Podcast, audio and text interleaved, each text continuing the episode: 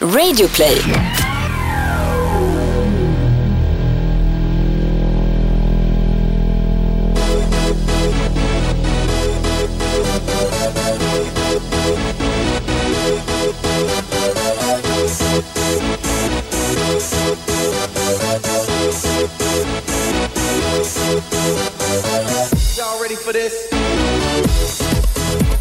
Då säger vi hjärtligt välkomna till Toto Balutto anno 2017. Vårt eh, andra kalenderår eh, är härmed igångsparkat. Jag heter som vanligt Gusten Dahlin och mitt emot mig sitter en något eh, försoven Thomas Wilbacher. Har det varit hårt i eh, nyårstiden? Nej, verkligen inte. Däremot så är jag ju van att ha barnen som väckarklocka. Men eh, när de är uppe till 11, halv 12 och sover till 10, ja, då, då uppstår situationer som man inte är van med normalt sett. Har det varit en bra eh, liksom, högtidsperiod annars? Ja, ja, absolut. Eh, Men eh, det är alltid sådär med högtider och när man har varit eh, lite mer ledig. Jag jobbar ju eh, Eh, på Expressen också som du känner till. Eh, Och då, då har ju liksom transfertiderna dragit igång, det har spelats fotboll. Så man är ju aldrig riktigt helt ledig när man är frilansjournalist. Men eh, eh, man, hur som helst, lugnt och skönt. Men det gör med mig att jag känner mig extra taggad och starta igång och komma igång med, med rutiner igen. Mm. Och eh, på tal om rutiner så vet ni att eh, Toto Balutto är en podcast som inte tar några uppehåll. Nej. Vi håller inte på med julsemestrar eller nyårssemestrar utan vi eh, tuggar på precis som vanligt. Idag är det tisdag den 3 januari och eh, vi ska som vanligt börja med att gratta lite födelsedagsbarn. Vi har ju drivit en tes senaste tiden här om att eh, de riktigt starka korten fyller år i januari, februari, tidigt på året. Men eh, just idag är en ganska så, eh, det, det, det är en riktig decemberdag. Eh, bland annat så fyller ju, eller bland annat, det, de jag hittar av värde är eh, Mattias Bjärsmyr, Med, med betoning på de du hittar. ja, så är det. Eh, Mattias Bjärsmyr, Lee Bowyer. Bra Eh, uttal. Ja, tack. Jag tror att eh, det ska vara Bowyer, Ja, inte ja, Boyer. Kör, kör du. Det är Eh, ett W där. men eh, Trots allt. eh, Lasse Nilsson och eh, ingen mindre än Johnny Evans. Vem vill du stanna till vid här? Jag trodde du skulle säga Johnny Bråttom. Jaha, nej. Stannade till där, Johnny Evans.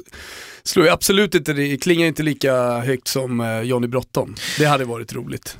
Absolut, samtidigt så är det ju ändå två svenska spelare. Det är inte allt för ofta vi eh, skakar fram svenska spelare som fyller år. I och med att jag använder mig av en, en internationell sida som inte riktigt eh, uppmärksammar allsvenskans eh, födelsedagsbarn. Nej men eh, Mattias Bjärsmyr skulle man väl i, i mångt och mycket kunna kalla en av de mest eh, liksom profilerade och namnstarka spelare i allsvenskan som aldrig riktigt eh, gjorde det utomlands. Finns det inte en, ganska många, en rad svenska spelare som gjorde ett starkt avtryck i allsvenskan? Eh, man skulle till och med kunna lägga in all, eh, landslaget där. Tänker på till exempel Thomas Ravelli och så vidare. Eh, Men som aldrig riktigt lyckades ute i Europa. Men framförallt allsvenskan, där finns det ju många, som, som du säger, profilstarka spelare som aldrig lyckades internationellt. Han gjorde ju ett försök i eh, Panathinaikos Ja. i Grekland. Men precis som eh, många svenska spelare så fick han vända hem lite med svansen mellan benen. Det finns ju några sådana gudsförgätna länder som inte riktigt verkar funka för svenska spelare. Belgien är ju nummer ett. Och sen så har du Mm. det ju har då... varit det i alla fall. Ja, Jag menar, det finns ju spelare som har lyckats där. Jo, inte men minst på länge. Per Zetterberg. Per Zetterberg och Chippen Wilhelmsson är väl de två liksom, stora motbevisen. Men på senare år så har det Tompa varit helt Nordahl var ju väl i, var han inte i Mechelen och, och härjade också? Ja. Du vet varför han Jag hamnade i Belgien? Det var Kenneth eller Klas var i Mechelen också. Mm, Kanske Klas, båda. va? Men, eh, Klas garanti va? M- Men, eh, vad var det? Innan du fortsätter med Ja. Thomas Nordahl. Ja, jag tror nog att det var så att det var Klas Inge som var i Mechelen. Ja. Och så kom han dit och så, så eh, fick han eh, frågan om eh, han tog straffar. Hade aldrig tagit en straff i hela sitt liv. Men sa bara, ja för fan, jag skjuter straffar. För att hans agent Ja, hade ja. sagt säg att du slår straffar för att du behöver målen, du behöver statsen. Så Klas Ingesson hade aldrig tagit en straff i hela sitt liv, blåljög om att han var en stensäker straffskytt, alltså bara den scoutningen, alltså det är liksom att ingen vet. Men han gjorde mycket mål i, Ja men så får de ju en straff i första matchen som Klas Ingesson spelar för Mechelen. Och han blundar ju och bombar allt vad han har. Ribba, mållinje upp i nättaket. Och sen dess så tog han ju straffar i alla lag han spelade i. Den vill vi ha in. ja, men det är som du säger, han, han blev ju en straffskytt och han tog ju straffarna i, i Bari och han tog väl ett par straffar i Bologna sedermera också. Mm. Så en, en säker straffskytt till slut, eh, den gode Klabbe. Eh, däremot så... Ja, men vi måste bara stanna kort på Thomas Nordahl. Ja just det. Han, eh, gjorde, han fick inte riktigt samma karriär då som sin pappa. Men Juventus ville ju köpa honom. Men precis när han, i alla fall enligt egen utsago, eh, jobbade ju tillsammans på TV4 när vi sänder det italienska fotbollsmagasinet Club Calcio.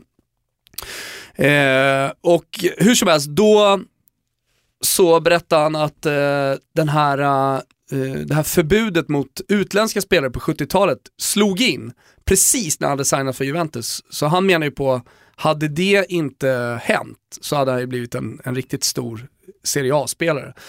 Istället då så fick han försöka hitta ett annat lag någonstans ute i Europa och det blev, vad jag minns i alla fall, Mechelen. Ja, det är trist.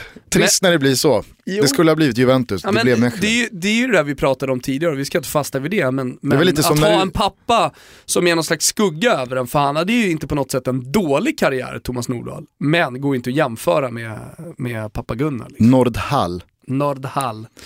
Trist Eh. felstavning på Olympico. Får väl lite mig att minnas här när utrikeskorrespondenten berättade att han satt och väntade på att det skulle bli eh, Dubai eller LA.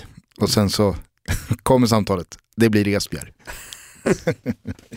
Bottenstrid dessutom. Hur som helst, det är ju eh, en Det var väldigt Anderlecht etablerad... tror jag på Thomas Ja, Nordahl. Eh, det är en väldigt etablerad sanning då att Belgien numera är ett, Eh, ett svårt land att lyckas i för svenska spelare. Men Grekland har ju varit det också.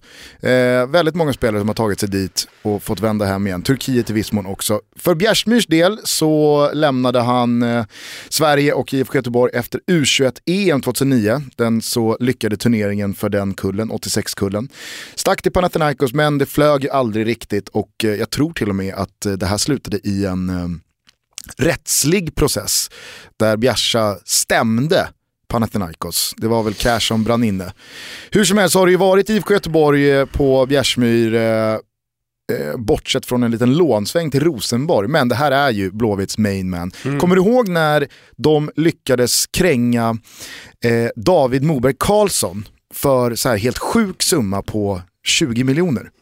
Då var det ju, eh, jag tror att det här kanske varit 2013 eller något. Det var inte länge sedan, Nej. nu minns tillbaka. Men då Det kommer jag marinerade ihåg... skallar fortfarande. Då kommer jag ihåg att eh, det pratades om att ah, 80% av cashen in går till Bjärsmyrs kontrakt. Det var ju på så sätt man kunde behålla honom. Han är väl en av allsvenskans absolut mest, eh, eller bäst betalda spelare. Eh, lagkapten och eh, flera hundra allsvenska matcher för Blåvitt-mannen Bjärsmyr. som- Grattis! Ja, men han har ju ändå den här härliga sägningen också, en, en bärs med bjärs. Mm. Det, det, det en flört med hur det lät förut. I en, I en svunnen tid. Sen så tycker jag inte man behöver säga så jävla mycket om eh, Lasse Nilsson eller Lee Bowyer. Nähä, Lasse Eh. Nilsson är väl jätteintressant. Jaså? Ja, men, eh, han, men jag ville han stanna är en vid härlig Johnny karaktär. Okej, men stannar vi Johnny Evans. Jag John- ville bara säga att han är en härlig karaktär ändå. Jag tycker att han är en frisk fläkt. Eh, Han eh, är frispråkig och eh, dessutom vältalig, den gode Lasse Nilsson. Är det, är det under smeknamnet filosofen som han rör sig i Borås? Är det det? Ja, men han har väl eh, studerat filosofi på universitet och sådär. Det får ju mig att tänka på det här med fotbollsspelare som inte alltid är Har, jättesmarta. har Lasse Nilsson studerat filosofi vid universitetet? För att i sådana fall så borde det, precis som du snart ska komma till antar jag, vara en större grej. För att det är ju verkligen så att det räcker i fotbollens värld att någon har läst tio rader av Dostojevs- Dostojevskijs eh, liksom brott och straff i gymnasiet för att det ska vara... Minns fotbollsspelaren Don Adell, Ja. kanske fortfarande aktiv, som då hade en pappa som var mäklare och han hjälpte sin pappa ibland med, med fotbollsspelare som kom till Florens och fixade lägenheter åt dem, lite uthyrningslägenheter. Han fick ju smeknamnet under en säsong, Il Dottore. Ja. Men eh, ja, jag vet inte om det var så välförtjänt. Ja, men sen har du ju Juan Mata som liksom ett par gånger under sin karriär har sagt att jag tycker att det är alldeles för höga löner i fotbollsvärlden. Alltså vi tjänar för mycket pengar jämfört med andra människor. Jo. Och han har läst några kurser på distans. Det har ju gjort honom till en av de mest uppburna spelarna i världsfotbollen. Som att han är ett, han är ett geni. Ja. Dardan Rekshepi, den gamla anfallaren. Eh, jag tror att han i en bortamatch med Malmö på väg mot Grimsta IP och B, alltså mötet med BP läste no också någon sån här bok som gick lite utanför ramen för vad fotbollsspelare borde läsa. Det kan mycket väl ha varit Dostojevskij, kan ha varit Idioten. Eh, han fick ju också efter det nämns fortfarande som att det är, det är en av de smartaste fotbollsspelarna som, Nja, som Sverige har fått. fan. Jo, jag lovar! Han har fortfarande liksom en rykte om sig att vara Men var det inte bara... en IQ, har han inte- ha- gåva. Har han inte liksom, eh, har han inte kommenterat det där och sagt att ja, men det, var, det var en bok på gymnasiet som vi läste? Eventuellt, eller så är Jo, han så pass smart han. att han fattar att Nej men jag tror "Nej, han har jag spär på det. den här lite. Eh, Jag tror han har kommenterat det och sagt att det var bara en, eh, en läxa. Ja det är klart att det bara var det. Alltså, det är klart att det bara var det, men han var ju tillräckligt smart för att förstå att det här är någonting bra för mig. Hur som helst, jag skulle komma till Johnny Evans. Eh, många minns ju denna nordirländske mittbackstalang eh, när han kom fram. Det var ju i Sir Alex eh, Manchester United där eh, firma Rio Ferdinand och Nemanja Vidic styrde med järnhand i det där mittförsvaret och Johnny Evans var verkligen the next big thing. Det var arvtagaren, han som skulle bli den nya försvarschefen i detta United över många år framöver. Men han har ju aldrig riktigt lyckats övertyga den breda massan, även fast eh, både lagkamrater och tränare har eh, lovordat honom. Jag vet inte vad det är med Johnny Evans, men det finns någonting i hans ögon och hans kroppsspråk som inte är övertygande. Han är inte den här mittbacksgeneralen i sin pondus, i sin aura. Det känns som en, en, en lite, lite av en enstöring, en loner. Ja, men jag håller med. Och det är ganska ofta tycker jag man stöter på den där auran. Sen kan det vara lite subjektivt att man själv tycker att det inte riktigt finns där. Eh, med all respekt för att man inte är i omklädningsrummet och på träningarna. Men, men, men som du säger, just den här auran runt sig, där finns det också, där blir det väldigt tydligt åt det andra hållet, de som har den. Eh, som, som spelar med väldigt stor pondus. Om vi ska ta ett aktuellt exempel, vi ska väl ringa honom lite senare Gustav, men Pontus Jansson i Leeds, han spelar med en väldigt stor aura där Eh, men han kryddar ju det med att gå fram till eh, fansen och, och fira efter eh, att ha vunnit en nickduell och sånt där. Men, men eh, det, det finns ju många andra som har haft den här kring sig, Erik Cantona, vilka mästare liksom bara som går ut på planen, gör mål, upp med kragen, höjer armarna mot, mot vädret, Zlatan Ibrahimovic. Messi har ju inte den auran. Så att det är inte bara bra fotbollsspelare man, man vänder sig till Nej, men för att hitta det. Gennaro Gattuso, usel fotbollsspelare egentligen, men eh, där, där tvistar väl de lärda.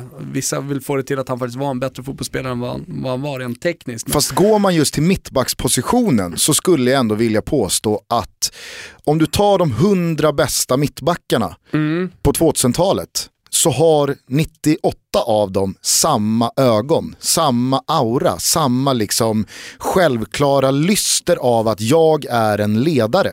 Det är, det är alltså, utan tvivel jag, försöker, jag försöker fundera här samtidigt som du säger Ja men kolla på vilka som verkligen har gjort det bra då om vi tar svenska landslaget som exempel. Du har Patrik Andersson, Nu tog du de hundra bästa, så Jo jag vet, men det, det funkar i landslaget också. Du har Patrik Andersson, du har Mjällby, du har Mellberg, du har Majstorovic, du har, eh, alltså hur många mittbacks, de har den här självklara eh, ledaregenskapen som, Erik Johansson. na, nej, Jag bara ville bolla upp en. Jo, men Erik Johansson har ju, han har ju brutit helt ny mark genom att vara som han Det var är. det sämsta exemplet. Ja, ja, men, eh, jag, jag älskar Erik, han är en fantastisk Ja. mittback. Eh, men han har ju gått sin helt egna väg. Han har ju till Jag ska hitta någon gång under det här programmet eh, så ska jag komma på en mittback som inte har den där auran men som är väldigt, väldigt bra. Teddy Lucic Ja, hade där. absolut inte den auran, Nej. men var riktigt bra ändå. Men om du då jämför med Nemanja Vidic och Rio Ferdinand så hade aldrig Johnny Evans den där självsäkerheten och den självklara attityden som får alla att förstå att det är jag som är chefen här, det är jag som är ledaren. Och den finns ju hos mittbackar till och med i ung ålder för att det är det man måste ha tror jag för att ta sig fram.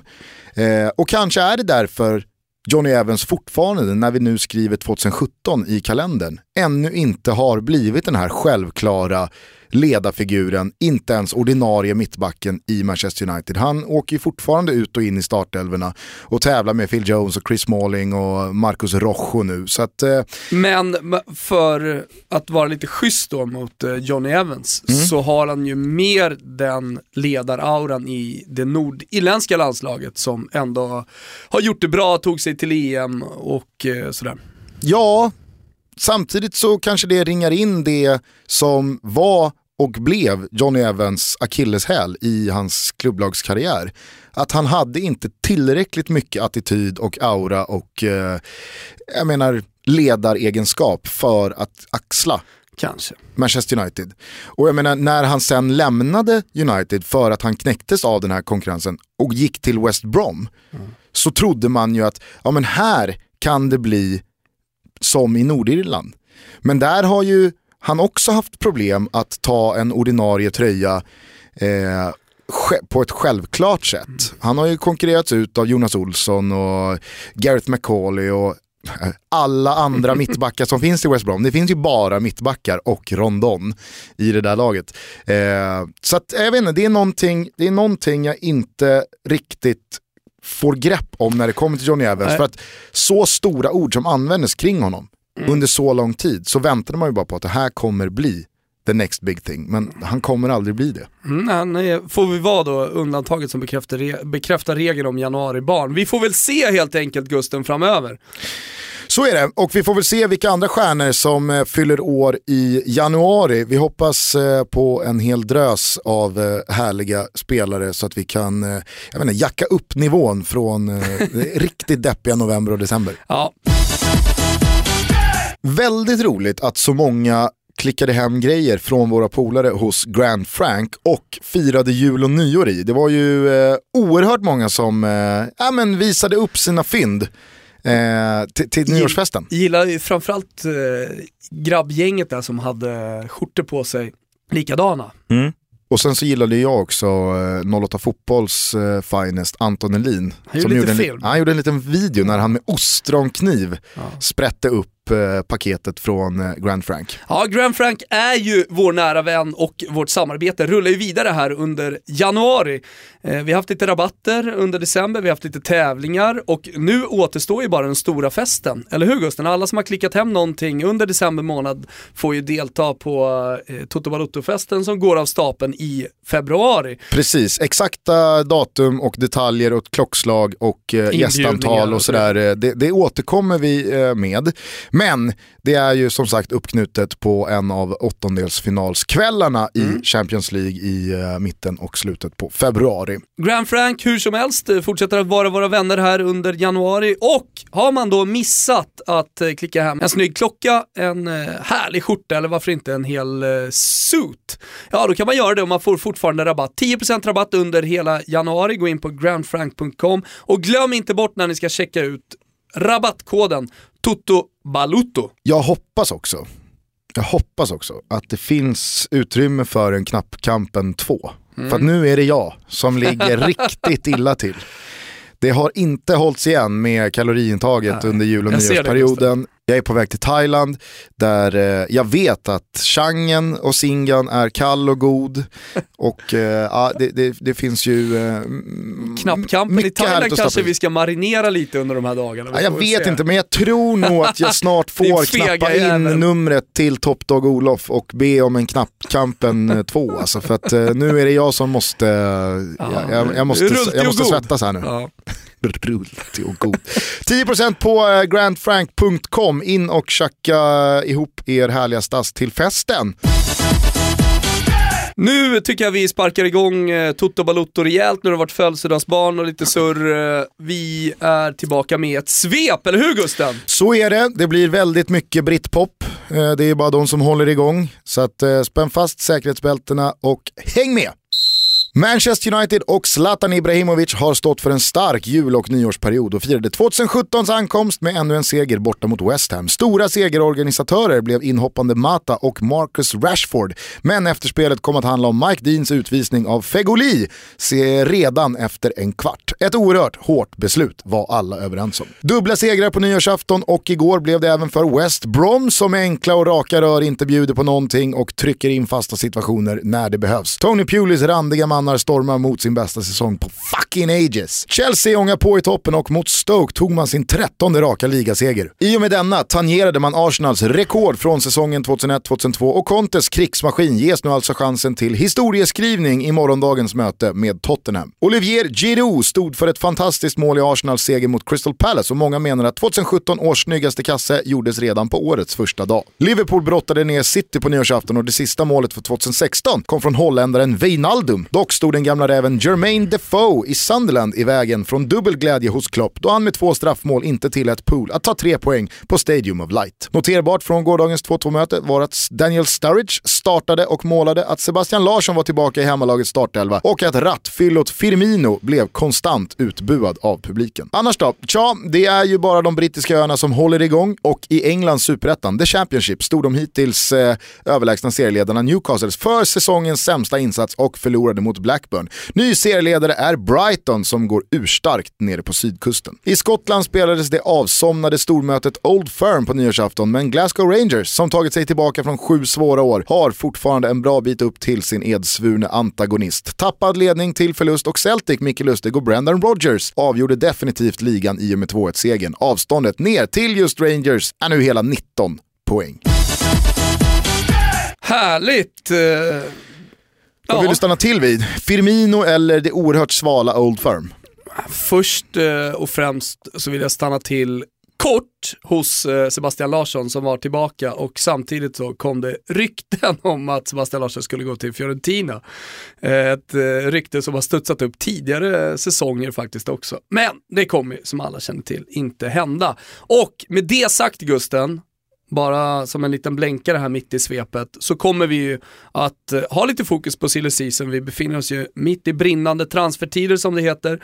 Och eh, vi har ju några internationella vänner som är duktiga på det här med silly season. De ska vi såklart ringa. Jag pratar om Gianluca Di Marzio, vi pratar om Tancredi Palmeri eh, och självklart vår alldeles egen eh, Mercato-guru här i Sverige, Disco Kristoffersson, eh, som ska få sig ett samtal. Men eh, nej, jag tänkte på det här målet som Giroud gjorde. Mm.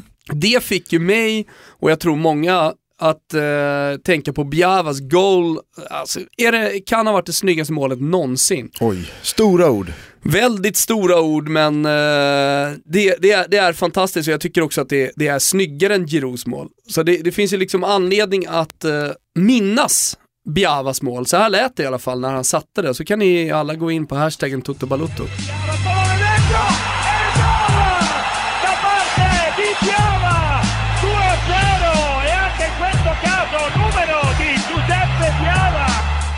jag vet eh, att det återigen då är en Italien-referens, jag ber om ursäkt för den, men, men det, det, var så likt hans mål så eh, jag blev, ja, men jag minns det i alla fall och jag såg på mitt Twitterflöde att jag inte var helt ensam. Du har ju ett väldigt Italien-tungt Twitterflöde dock. Vet, jag vet, men så, så, var det. Eh, snyggt mål i alla fall av Giroud och eh, det är skönt när en misslyckad passning för det är ofta det med, med den typen av mål, alltså bicykleta. Man, man slår ju inte ett inlägg för man tänker att eh, nu, nu, ska han få göra, nu ska han få chansen att göra en bissa. Utan det är ofta en rensning eller ja, ett lite misslyckat inlägg. Och det, det är ju också det av Sanchez. Kommer lite för, för långt bakom och då hittar han på det här, eh, den, här, den här sparken. Otroligt. Ja, det var ju väldigt snyggt. Men det där är inte min typ av liksom, favoritmål. Jag, jag föredrar eh, riktiga jävla rökare. Det, det, det, är min grej. Jo men då ser man ju å andra sidan 150 per säsong. Jo, men eh, det, det, är fortfarande det jag tycker är riktigt snyggt. Men det här är ju genialitet, liksom att bara på en tiondel komma på att jag slänger nog upp klacken och att dessutom då vara så skicklig att man får träff på den. Ja, ja, alltså, jag, jag, jag, sa inte här att det var det var ett everyday goal. Men Nej. det är inte min favorittyp av mål. Däremot så tycker jag att det är jävligt kul att se när spelare själva fattar att det där var ett riktigt speciellt mål. Hur glada de blir. Mm. Alltså Giroud, han vill ju inte sluta fira. Och det har ju varit eh, väldigt många roliga bilder som har cirkulerat i sociala medier efter det här. För att eh, i eh, eftermatchintervjun så står ju alltid spelarna bredvid en tv-skärm som gör att de kan titta på händelser från matchen. Och då står ju Giroud och tittar på sitt eget mål, han står ju och ler så jävla mycket. Men då har ju då eh, olika personer börjat byta ut bilden på tvn, vad det är Giroud står och kollar på och flinar. Det finns väldigt många roliga exempel. okay. eh, men nej, det var ett fantastiskt mål. Det var dock inte den intervjun som etsade sig fast mest på min näthinna efter de här väldigt intensiva Premier League-dagarna. Såg du Pep Guardiolas eftermatchintervju efter eh, vinsten hemma mot Burnley igår. Ja men på tal om Twitterflöden, det går ju inte att ha missat, eh, liksom om man på något sätt följer den engelska ligan, att, eh, ja, men, de, den intervjun och det efterspelet. Mm. Vi, eh, vi lyssnar på hur det lät igår mm. när Pep Guardiola eh, kämpade med svaren efter att ha vunnit mot eh, Burnley med 2-1. You won it, you won it the hard way. Yeah, that's true. What was your verdicts on the game and the performance? Because you showed real spirit after going down to 10 men. Yeah, that's true. We won against uh, a lot of uh, circumstances in a tough game, so we're happy for that. The sending off, what was your view of uh, the red card for Fernandinho? You are the journalist, not me. You're the manager, I'm sure the fans will like to know. As to the referee, not me. Are you concerned that that's his third red card this season? Is there a discipline problem with him? We will accept, like I said before.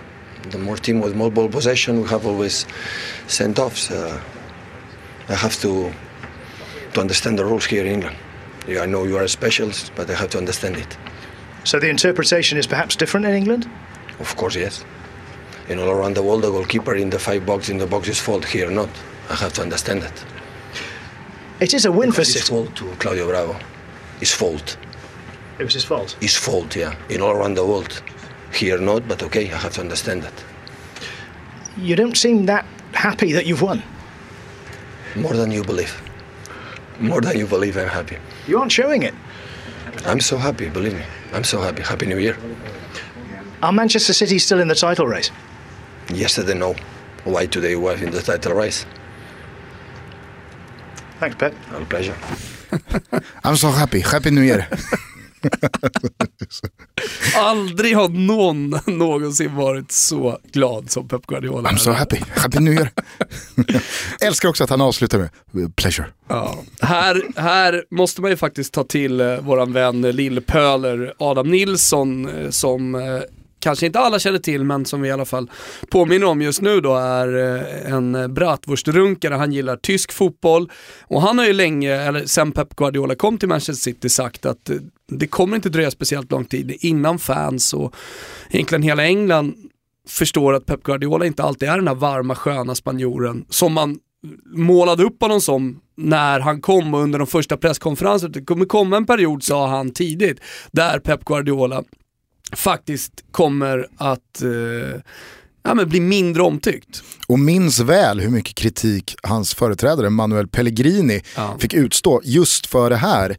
Och då var ju aldrig Pellegrini så här. Alltså han var ju, all, han var ju bara mera, eh, det var en tystlåten herre som inte gillade att snacka överdrivet mycket.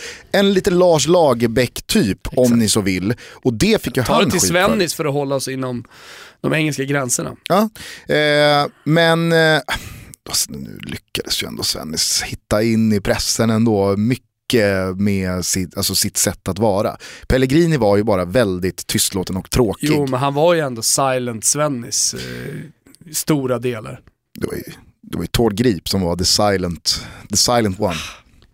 Skitsamma, Visst. du fattar vad jag menar. Ja. Pellegrini fick ju väldigt mycket kritik mot slutet för att han inte sa någonting, han var så korthuggen i sina svar och eh, nu börjar ju verkligen Pep Guardiola, alltså han, han börjar leva farligt här nu.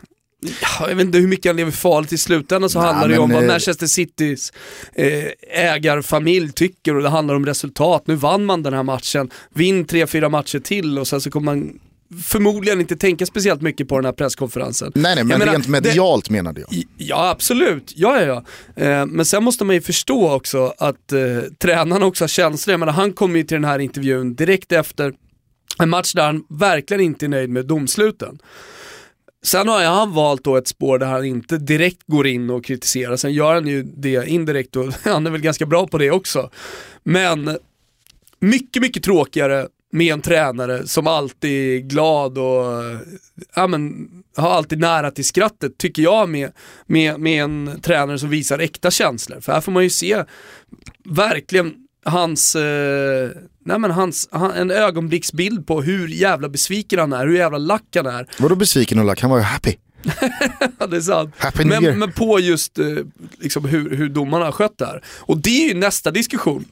Jag menar, om det är någonting som har visat sig under den här eh, under den här julhelgen, jul och nyårshelgen, så är det ju hur usla och inkonsekventa de engelska domarna har varit.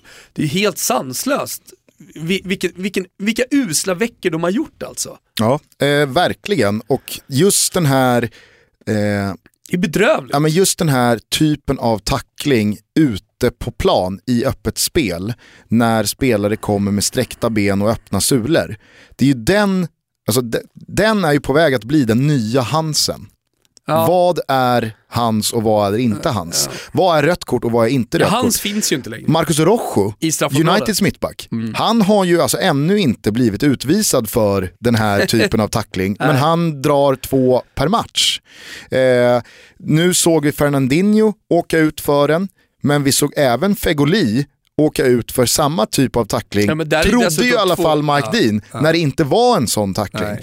Men det som förvånar mig är att spelarna fortsätter kasta sig in i eh, dueller på det här sättet när de vet hur ofta det röda kortet flyger Mm. upp. Jag tänkte på det igår när jag kollade West Ham mot United. Alltså där har Kouyaté, Ja. West Hams eh, mittfältare, han har alltså en satsning på Mkhitaryan. Ja, jag minns det. Är det en, eh, alltså en halvtimme efter att Fegoli har åkt för en betydligt mildare Dessutom bakifrån. Exakt. Alltså den är direkt livsfarlig Ja. den eh, tacklingen. Men där fattar man ju också att Mike Dean inser att jag kan inte dra upp det röda kortet igen här. Men Ja, han det drar var ju inte ens upp det gula. Nej exakt, det var bara frispark. Alltså, m- Men efter den utvisningen av Fegoli så har ju West Ham-spelarna, de har ju frisedel. Mm. De kan ju göra vad de vill och de hade inte fått gult kort igår. Carte blanche, kör bara. Nej men det var helt, alltså Kouyatés, jag, jag, har varit så här, jag har varit på riktigt förbannad när jag såg den tacklingen. Hur kan du vara så jävla dum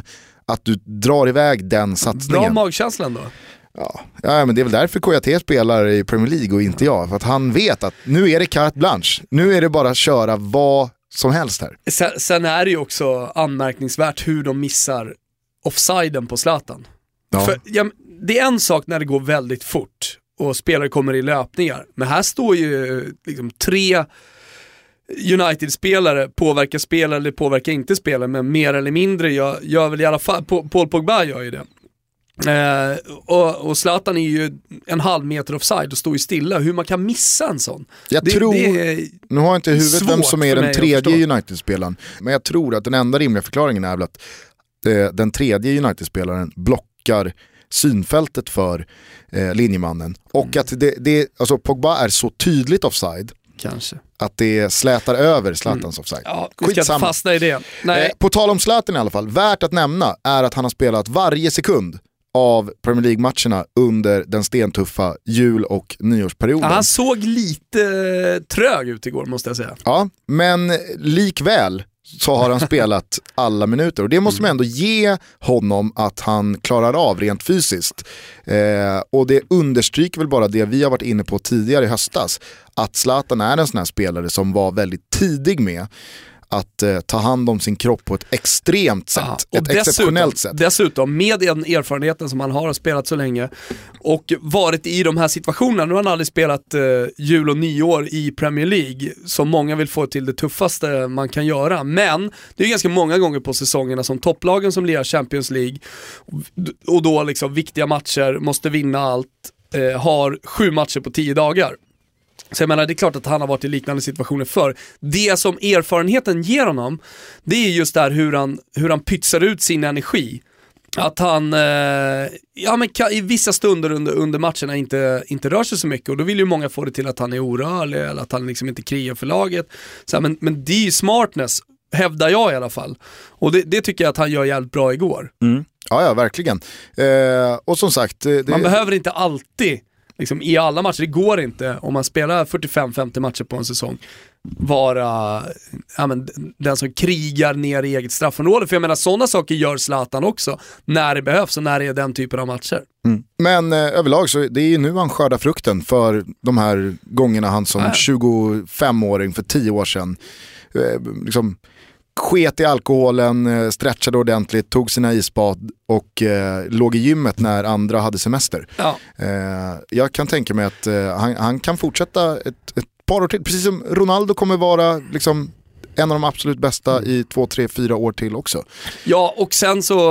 De har sådana extrema kroppar. Ja, ja, det har de verkligen. Sen så kan vi ju bekräfta nu att det blev en succé med Zlatan i Premier League och i Manchester United. Han gjorde 13 mål.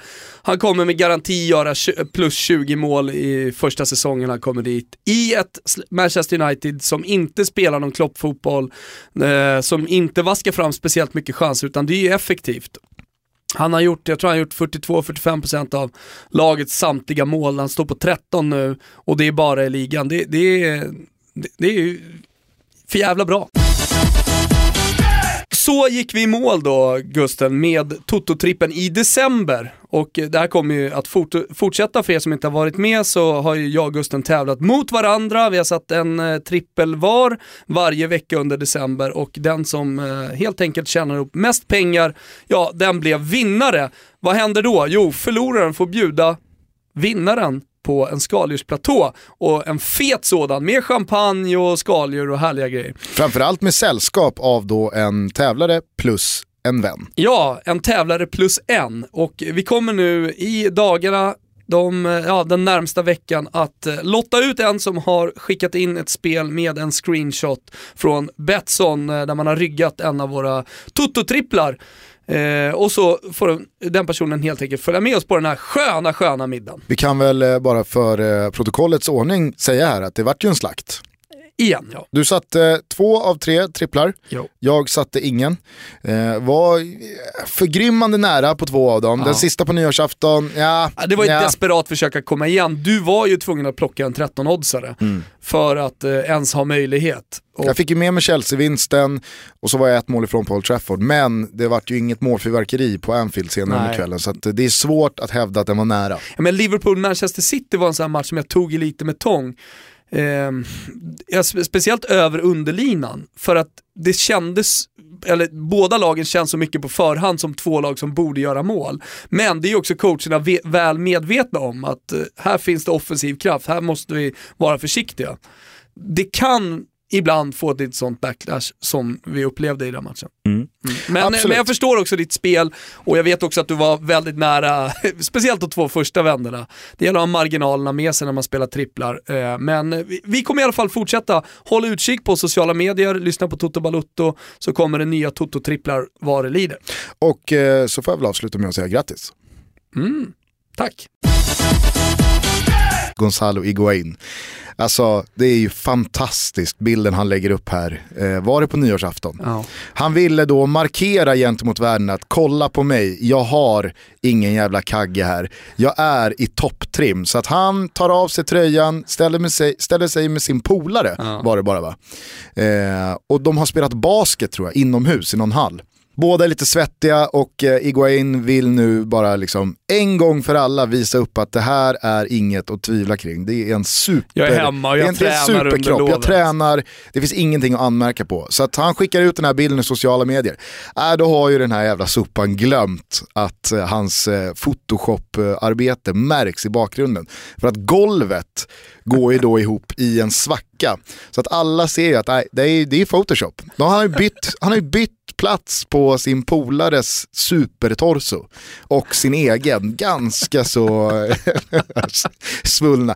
Nej, det, är en helt jävla magisk bild. Det, alltså. alltså. även om det är Photoshop. Du menar att han har bytt kropp med polaren? Ja, har du inte sett bilden? Jo, jag har sett den men jag tänkte inte på det. Ja, men Tancredi, Tancredi Palmeri kunde inte hålla sig. Alltså, han skrev ju ut i bara versaler om den här bilden, ja, att bara liksom fan ja, gå in. Det är så jävla Alla får gå in och kika på den, den finns hashtag Toto Jag tror att vi kommer göra så att vi har den som avs avsnittsomslag. eh, den är ju helt ja. underbar alltså. Äh, men, eh, det där är ju, det är såklart att det är speciellt. Eh, Här har han skrivit, eh, haha, posting pics of his fabulous abs to deny fatness on holiday, but failing on cheap photoshopping. Vad menar du att... Har du, har du bilden uppe? Ja, jag ser. Ser du golvet? Ja. Fast det där är det, är- det må vara photoshoppat, men det är ju hans kropp. Nej. Du ser väl... eh, Ja, jag ser att eh, parketten helt plötsligt Det är har blivit eh, fiskbensparkett Ja. bakom. och, det, och att det har blivit en grop i parketten. Ja, jag ser. Det är så jävla sorgligt alltså. Det är så sorgligt att Ja. det har gått så långt. Visst. Att Iguain själv sitter och trycker ut bilder, photoshoppade bilder på sig själv. Hörru, en som absolut inte trycker ut photoshopade bilder, men som har spelat eh, hårda, tuffa matcher nu under jul och nyår, det är ju Ponne. Pontus Jansson, ska vi inte ringa honom? Det tycker jag vi gör. Bomber Jansson. Och så hör vi hur tufft det är att spela eh, matcher varannan dag den här perioden. Egentligen. Hallå? Happy New Year! Eh, lugnt, har ni träningsfritt eller? Jag vill ledig nu två dagar. Ja, det väl fan inte mer än rätt. Nej, faktiskt. Nej, det är skönt. Men hur är, hur är det, nu låter det som jag men hur är det att spela eh, jul och nyår? Nej men alltså fan, du sa ju att det sliter på kroppen. Hur är det att spela jul och nyår? Ja, nej, vi hade lite tur. Vi fick en rätt, rätt enkel resa. Vi mötte ju Preston och fick rött kort efter, efter 60 minuter. Så sista halvtimmen där så, så tog man det ganska lugnt. Samla kraft. Och sen eh, ja, igår eh, jag inte förlåta de slet som djur men de var inte så jäkla bra så det var en rätt enkel resa igår också. Så att, eh, man, man Alltså, vara Ro- man Rotherham kommer vi inte se i Championship nästa år. Nej, det känns inte så. Och så har du blivit målskytt också. Bomber Jansson. Bomber är igång nu. Ja, nej, det, var, det var skönt. Kul att göra mål. Synd att jag inte fick göra fler mål. Jag hade en fin volley i ribban också. Det var Ja, synd så att det blev mål. Det är ganska fint eh, eftersom matcherna var lite utspridda mellan Premier League och Champions League så eh, var ju eran match liksom huvudmatch också. Så det var jävligt många här hemma Ja. hade man märkt, eh, säkert också uppmärksammat succén som du har gjort där nere och tänkte fan nu ska jag äntligen få se Leeds, nu krockar det inte med någonting annat. Och så blir det den matchen också. Ja, synd att vi inte vann. Men nej. Men får man komma med lite konstruktiv, får man komma med lite konstruktiv kritik eller? Absolut. Uh, alltså tänk lite mer Ventura i, i Leeds. Alltså det är väl egentligen inte till dig utan det är väl, det är väl mer till, till tränaren. Vilken jävla vilda västern det var inte minst i den matchen. Ja, jag vet. Ja, de slängde in massa jävla skivor och dunkade långt till slut. Det blev lite tungt. Alltså, mittbacken jag brukar spela med var avstängd också så jag spelar med en annan mittback som är lite, lite kortare i växten. Uh, vi är normalt sett jäkligt tunga. Folk lyfter långt mot. Men uh, ja, jag håller med dig. Vi tänkte matchen. Men jävla vad mycket ni sprang. Eh, Jag, eh, av en händelse, som av en händelse så hamnade jag framför reprisen, jag vet inte om det var i förrgår eller någonting sånt där. Och såg om sista kvarten när det var så galet, när ni hade, vad heter han, eh, snabba svarta ytten, eh, Sacco. Ja. Eh, ha, när, när han har den i ribban också, han bara ska lägga in den. Eh, men sen blir det så mycket springa fram och tillbaka och sen slutbilderna när du och typ två andra står och hänger på knäna, likaså i, i, i hemmalaget. Alltså det var, var riktigt, riktigt trött där. Mm. Det var, det var en fin match. Båda lagen ville vinna, det märkte man. Och, eh, när vi hade den ribban också, det var synd att inte den fick ett bättre öde. Men eh, alltså 1-1 borta mot Aston Villa, det, det är inget dåligt resultat. Så att det är vi nöjda med. Men vad jag tänkte säga, den ribban, det, det, det målet, då började man ju fundera lite tillbaka till landslaget när Janne slängde upp det på topp. Är det någonting som kanske du har i dig? Man, man minns ju Pascal Simpson som bytte och blev mittback, flera har gjort det. Frick också, också i, i eh, Liechtenstein, han, han gick ifrån att vara anfallare till att vara mittback. Ponne var ju offensiv spelare i år. har jag gjort ju. Är gammal gammal tanke. Så jag har redan gjort min, min förflyttning. Ja, visst. Men du, eh, Ponne, det blev ju inte bara mål och eh, poäng både mot Villa och så seger igår mot Rotherham, utan även eh, så kickade ju klausulen i kontraktet in. Det var ju väldigt många som firade det här på Twitter och väldigt många som konstaterade att det kanske är hela transferfönstrets bästa affär. Vad, vad är det som gäller här nu? Kan vi reda ut eh, frågetecknen? Ja, du, jag vet, jag vet inte så mycket som han är van vid. Så jag väntar till han dyker upp så lär, lär det bli klart så fort, så fort jag ser honom. Men eh, vi får se. Ingenting är klart än i alla fall. Och, och jag vet inte mer än vet just nu i alla fall. Men för det är ju lite sådär med de här klausulerna, någonting ska ju fortfarande göras. Folk tänker ju att, det, Ja, att du automatiskt blir en spelare, men det måste ju fortfarande skrivas papper och kommas överens och sådär, eller hur? Uh, ja, ingenting sker ju automatiskt utan nu är det ju så. Och sen se hur, hur det tar och ja, hur snabbt du kommer vi får se. Det, det, det, blir nog bra i slutändan. Det ska ju, som du säger, skriva, skrivas på nya avtal och hit och dit. Så vi får se vad som händer. Hörru, vi måste fråga om eh, bortaföljet här de här matcherna. Det har ju varit fantastiskt att se flera tusen Leeds-supportrar stämma upp i Marching On Together. Eh, hur, eh, hur mycket bubblar det i staden just nu? Nej, men alltså bara rent bortaföljemässigt så har det faktiskt varit sjukt ända sedan jag kom. Så har de fyllt sina sessioner var vi än har varit. Eh, så såklart kring Boxing Day, jul och nyår så är det ju alltså tradition. Så det är klart att det blir extremt. Jag tror prästen hade vi väl 5-6 tusen och sen Villa fyllde de också. Jag vet inte hur många de har varit, 3 tusen där. Eh, så ja, det är klart det är jävligt coolt och grymt. Eh, men som du säger, alltså, jag tror stan börjar förstå eh, att, att det verkligen är någonting på gång här nu. Eh, var många som läste och skrivit till mig att nu börjar de förstå att det kanske är detta året som, som det kommer att hända. Eh, och folk börjar inse att vi, vi är så pass bra som, som vi i laget ändå tycker själva att vi är ett, ett bra tag. Men fansen har börjat inse det nu också. Om du skulle vilja sätta, om du skulle sätta fingret på några saker, vad, vad tycker du är grejen? Att ni har kommit igång så här, eller grejerna, vad, vad är det som har gjort er så här bra och att ni har fått den här, eh, ja, de här resultaten?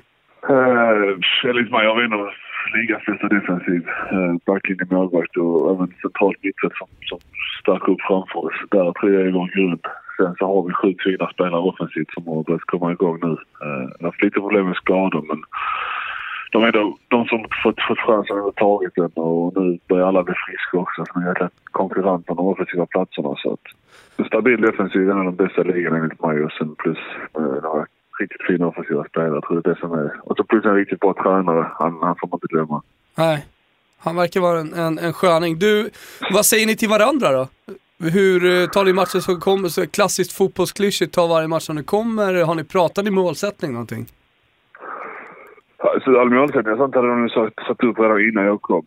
Sen så har de väl ändrat lite efter, efterhand. Eh, klart att snacket innan, innan säsongen började var väl playoff och så här. Men det, det brukar man också ofta säga bara för att tagga sig själva och ha, ha någon form av, av mål. Men nu, nu börjar vi ju inse hur, hur bra vi är och hur långt vi ändå kan gå. Eh, alltså snacket rent spelare och spelare, men mer de unga spelarna som ibland kan sväva iväg och börja tänka att tänk om vi går till Premier League och vilka möjligheter det ger oss här. Utan, det är ändå ganska rutinerat lag och inser att, att det är en rätt lång väg kvar.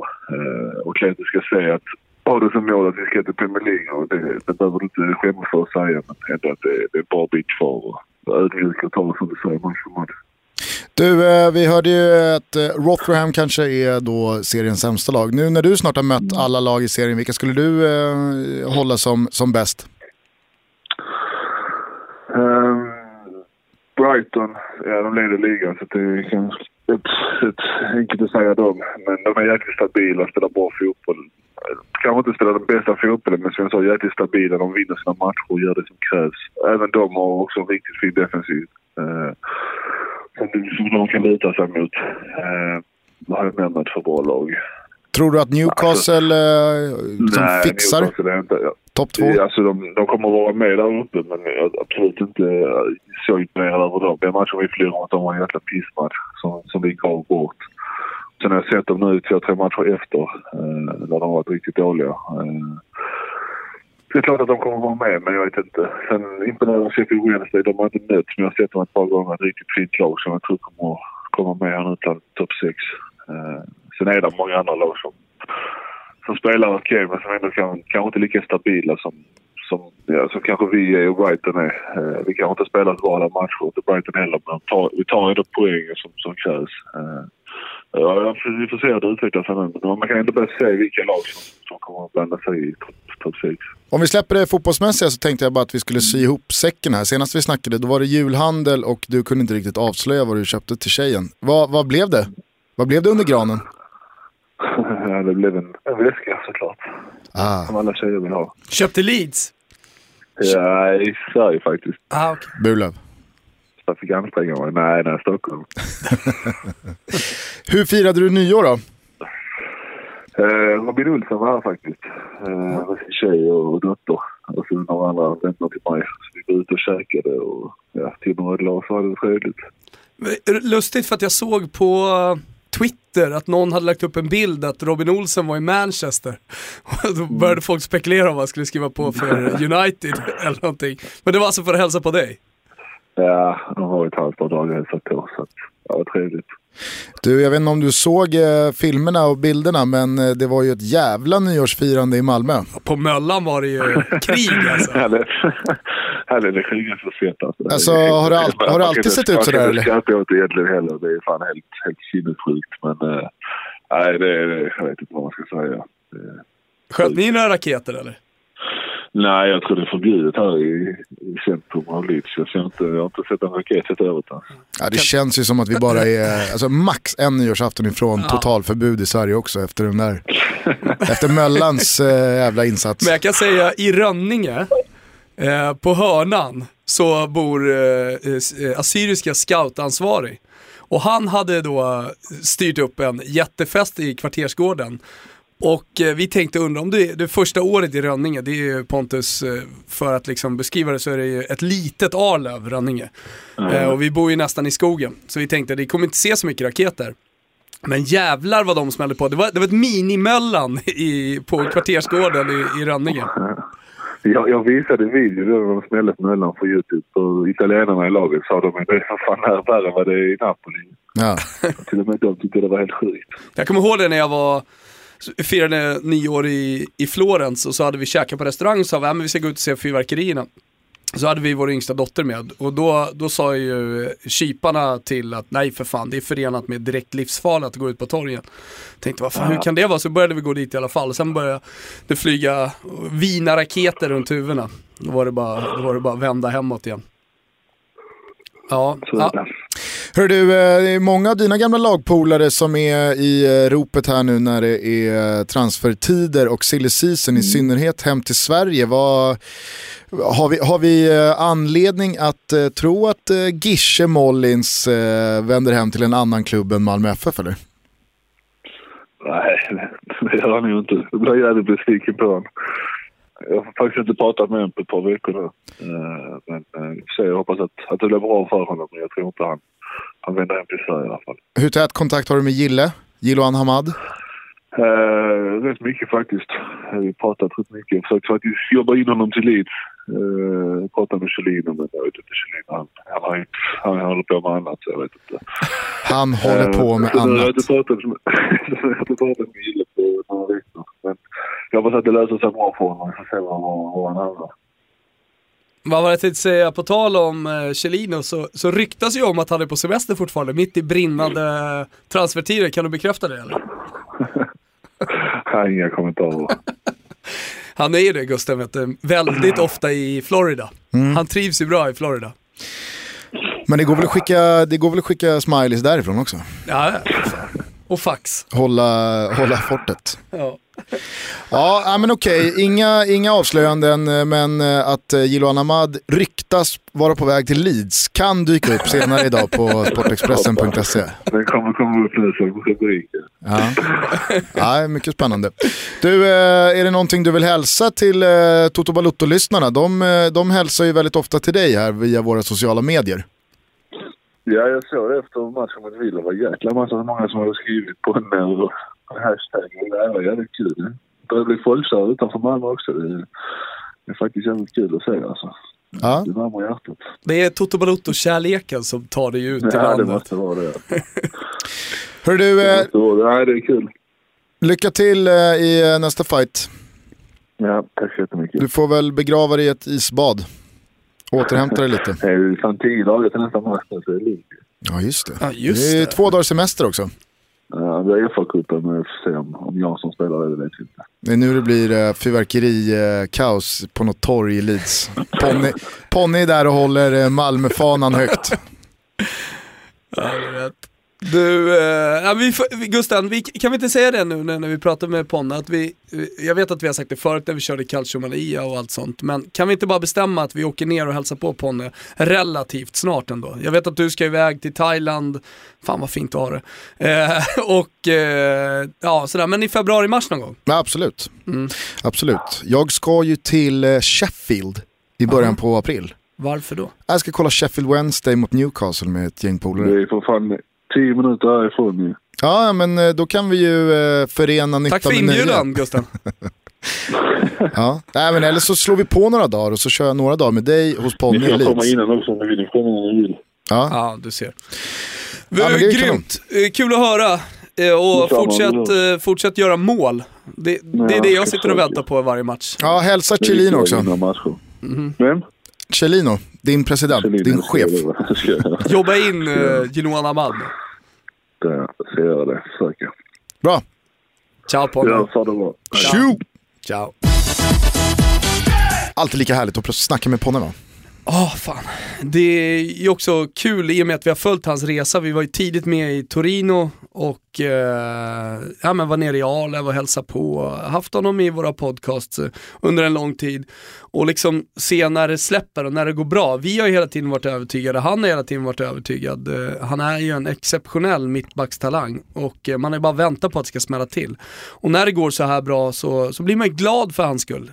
Och, eh, ja, vi, det är ju, det är ju återigen då, jag menar oavsett hur det går för Leeds, om de går upp i Premier League eller inte, nu sitter man ju och håller tummarna för att Ponne spelar där, men eh, så kommer ju Pontus Jansson inte vara kvar i Championship nästa säsong, utan det, det är ju redan Premier League-klubbar som är och rycker i Och det är förståeligt, han är ju om inte den bästa, en av ett par bästa i alla fall eh, mittbackar i Championship. Och då, då, då når man hela, då, då kommer man till Premier League.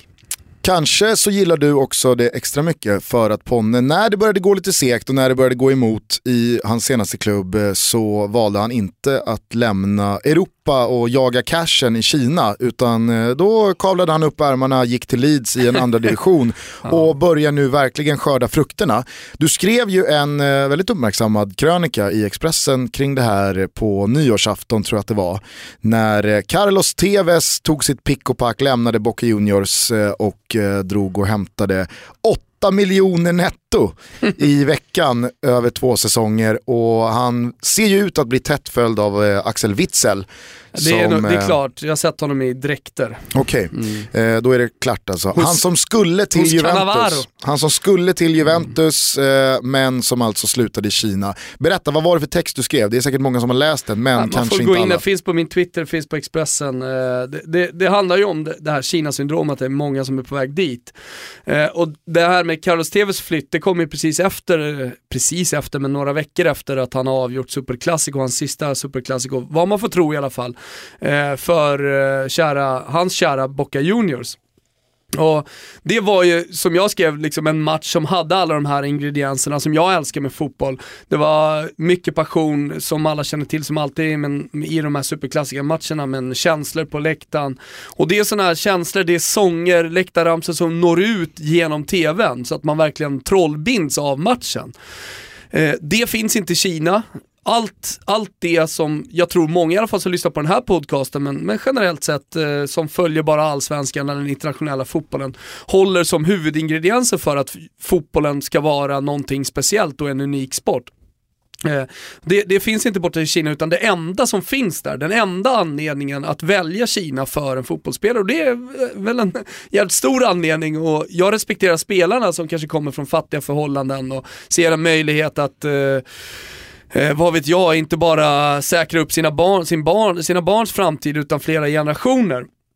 Eh, eh genom att åka dit. Jag, på något sätt så klandrar jag dem väl inte, men jag tycker att det, det, det, det, är, en, det är en trist utveckling. När storspelare helt plötsligt eh, då försvinner. Och de försvinner ju verkligen från radarn. Det finns ingen, mig veterligen i alla fall i Sverige som har plockat upp den kinesiska ligan. Jag tror inte, det, det lär ju dröja innan, innan den kinesiska ligan i de stora medierna får någon slags eh, ja, men genomslag och att folk börjar följa det. Så jag, jag tycker bara att det, det, det är en tråkig utveckling. Det hade ju dock för det här avsnittets skull varit eh, fenomenalt bra ifall Kina hade varit Japan. För då hade man ju kunnat avsluta episoden med Big in Japan och hävda att det är anledningen till att eh, lämna Europa och gå till Österlandet. Ja, för, Jag tycker vi rullar igång Big in Japan ändå.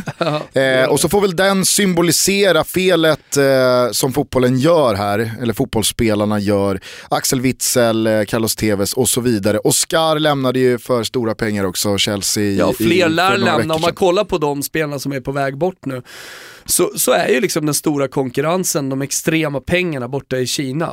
Och eh, jag säger också, jag skriver också, jag måste bara säga det, i krönikan skriver jag att det nödvändigtvis inte måste vara dåligt för den europeiska fotbollen, för att eh, det blir svårare för de eh, eh, extrema topplagen, de stora topplagen i Europa att bara liksom roffa åt sig och slåss om de, säg topp 30, topp 40 bästa i, i, i Europa. Att man måste då ta till andra medel för att förstärka sitt lag eh, och där det inte bara handlar om, för det, det har det ju faktiskt, det, så har det blivit i Europa också de senaste 20 åren, men att det, det är pengarna som styr väldigt mycket.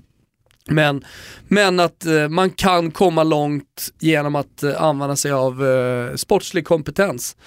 Och eh, jag tror att det kommer bli viktigare och viktigare i framtiden också. Eh, att, eh, att man med sportslig kompetens, god ekonomi i klubben, Eh, kan göra resultat och faktiskt också vinna titlar. Ja, det kan ju dessutom bli en positiv rekyl när man, ja, men som du och jag kanske lite är och representerar många andras åsikter också, trötta på att sånt här sker, att det blir såna här pengar, att spelare lämnar de här klubbarna för andra länder där det inte finns någonting annat än cashen. Då blir det också så att man intresserar sig mer för Leeds. Ja. Att man eh, väljer att blicka neråt i eh, egna seriesystemen, att man hittar andra lag som attraherar det som man egentligen älskar fotbollen för. Eh, I alla fall det som gjorde att fotbollen blev väldigt stor för mig. Ja men jag menar Ponne berättar ju här att det, det, det, det kuskar med 5, 6, 7 tusen Mm. Leeds-supportrar till de här matcherna. Och det sitter en massa svenskar på ny, eller dagen innan nyårsafton och det finns inte några andra stora matcher att kolla på, men så därför sitter man och kollar på Leeds Aston Villa. Eh, och förmodligen rycks med och tycker att fan, okej det är ingen superduper fotboll jämfört med eh, Atletico Madrid mot Bayern München i Champions League. Men det är någonting som jag verkligen känner igen. Det kan ju bli den positiva ja, men, slutprodukten också, att eh, vi vinner till slut ändå. Jag vet inte. Eh, gör så här Kim, att rulla igång Big in Japan, för även fast det är eh, fel land så representerar väl den lite att eh, spelare lämnar för Österlandet och de stora feta sedelbuntarna. Kvar står vi, eh, men eh, det kanske slutar gott ändå. Toto Balotto är i alla fall igång igen. 2017 är här. Eh, många kanske trodde att eh, Toto Balotto-året skulle inledas med att vi krönikerade 2016 ihop med Erik Niva. Vi har valt att flytta det Niva. avsnittet. Såg du Nivas premiär Ja. i På spåret? Ja. Eh, Såg också efter en halvtimme eller vad det var, när Fredrik Lindström började skruva lite på sig efter utläggningarna. Ja, han var väldigt lång i svaren. Eh, och det, det var inte, det var inte, man märkte ju också, Det är ju speciellt när man ser en vän sitta där. ja, men Första också, så, man, Ah, märker, ju- Marcus Birro var ju med, han vann ju faktiskt. man märker ju också skillnaden på Viasat-studions väldigt frikostiga studiotid och ett eh, liksom inrutat frågesportsprogram som, som måste bantas ner till 59 minuter. Eh, Men han sätter ju tonen tidigt. Ja, Tom Hanks, Aston Villa-supporter. ja, ja, visst. Eh, Då nej. log man och jag tror att många log då. Mm. Det är därför man älskar dem. Sen så märkte du, de, det, det var ett par eh, tafatta, missuppfattade eh, high fives Ja, där inne i första klass. Fick aldrig riktigt bukt på det. nej, det Men, kanske kommer. eh, nej, det var- Då gick det var- de ju vidare och vann. Oj, ursäkta spoilern. Men så... Vi får se mer av Niva. Men eh, nu, nu är det sagt att vi ska rulla igång eh, Big Japan hundra gånger. Rulla igång Big in Japan. Välkomna till Toto Balotto-året 2017. Vi krönikerar 2016 tillsammans med eh, Erik Niva på måndag. Så eh, håll ut, håll till godo och eh, håll om varandra när det nu blåser lite kallt. Ah! Andiamo! Andiamo, vi hörs. Ta hand om er. Puss och Ciao kram. tutti. Ciao.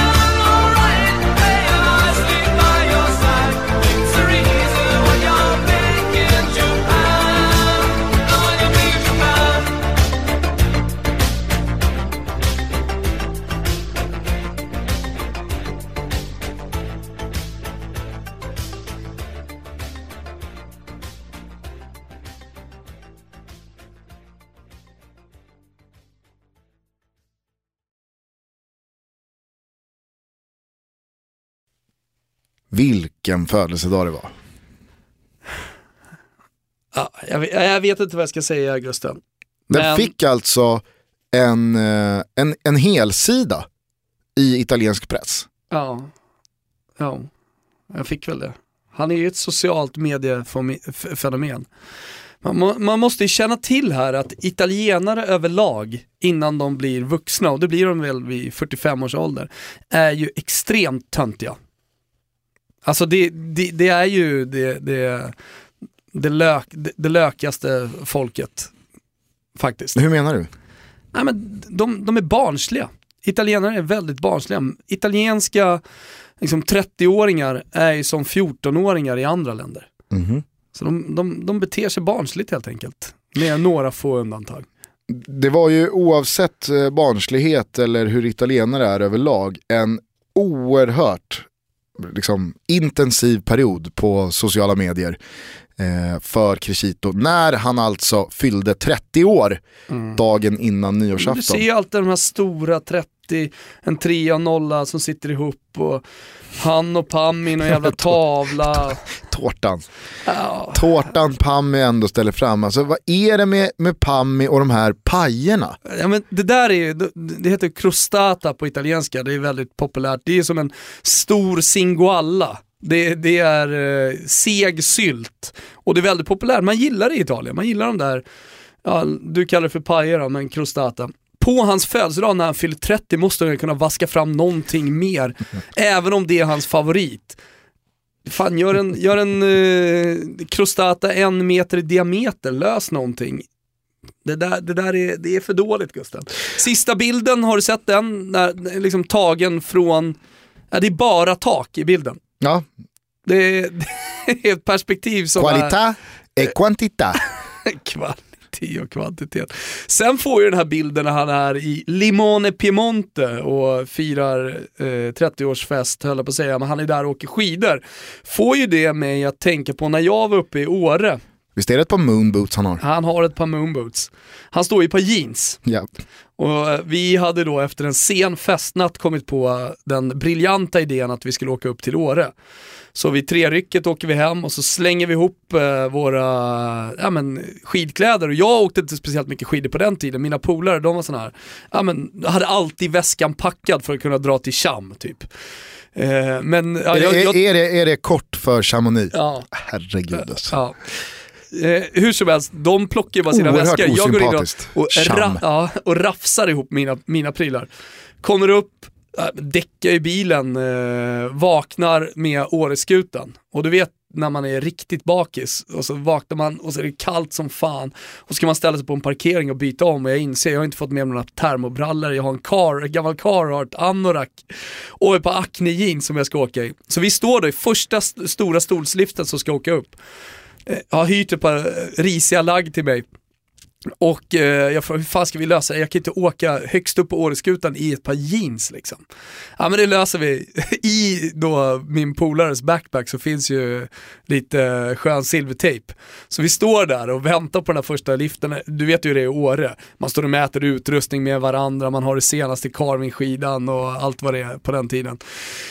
Eh, och så jag står de och drar silvertejp runt hela brallan för att det ska funka. Så, ja. det, jag kan tänka mig att Crescito är på ungefär samma skidnivå som jag var där. Då. Ja, jag tycker att det är, det är helt fenomenalt att han alltså äh, he, helt frivilligt väljer att åka nerför i jeans. Dessutom så känns det ju som, nu vet jag att det syns ett par stavar här på den här bilden, men det vore ju nästan för bra för att vara sant om Crescito är en 30-åring som åker utan stavar. Fan om jag ska börja åka skidor igen, då ska jag åka utan stavar, det lovar jag dig. Knapplift utan stavar och eh, vad heter sådana här blades, alltså korta skidor. Då vet man att Man ska också åka- ett riktigt deppigt hopp När man, å, när man åker utan stavar så ska man ju också åka, alltså man tror att man är bra. Ja. Alltså man, man åker fort men man plogar lite för mycket. så nästa störtloppsplogning och utan stavar, ja det är fan jag och Crescito. Också- Där hittar vi varandra. Om, om vi går tillbaka till festen här så var det ju väldigt väntat också att Crescito skulle vara sist på bollen med en fysisk Instagram-ram Ja. att sig i. Det var ju, det var ju hett 2014. Nu hakar eh, Crescito på. Instagram-kungen himself. Ja, det, det, har, det har varit ett, eh, en orgie i vaniljande under jul och nyår. Jag trodde inte vi skulle nå de här nivåerna Gusten, om jag ska vara helt ärlig. Nej. Sen så är det ju så också att hans grabb har ju kastat en vattenflaska upp och ner. Ja. Som, har, som har landat på foten. Kan folk sluta med det? Och sen så försöker Crescito, lyckas inte. så, vänta, vi måste nästan ta in här.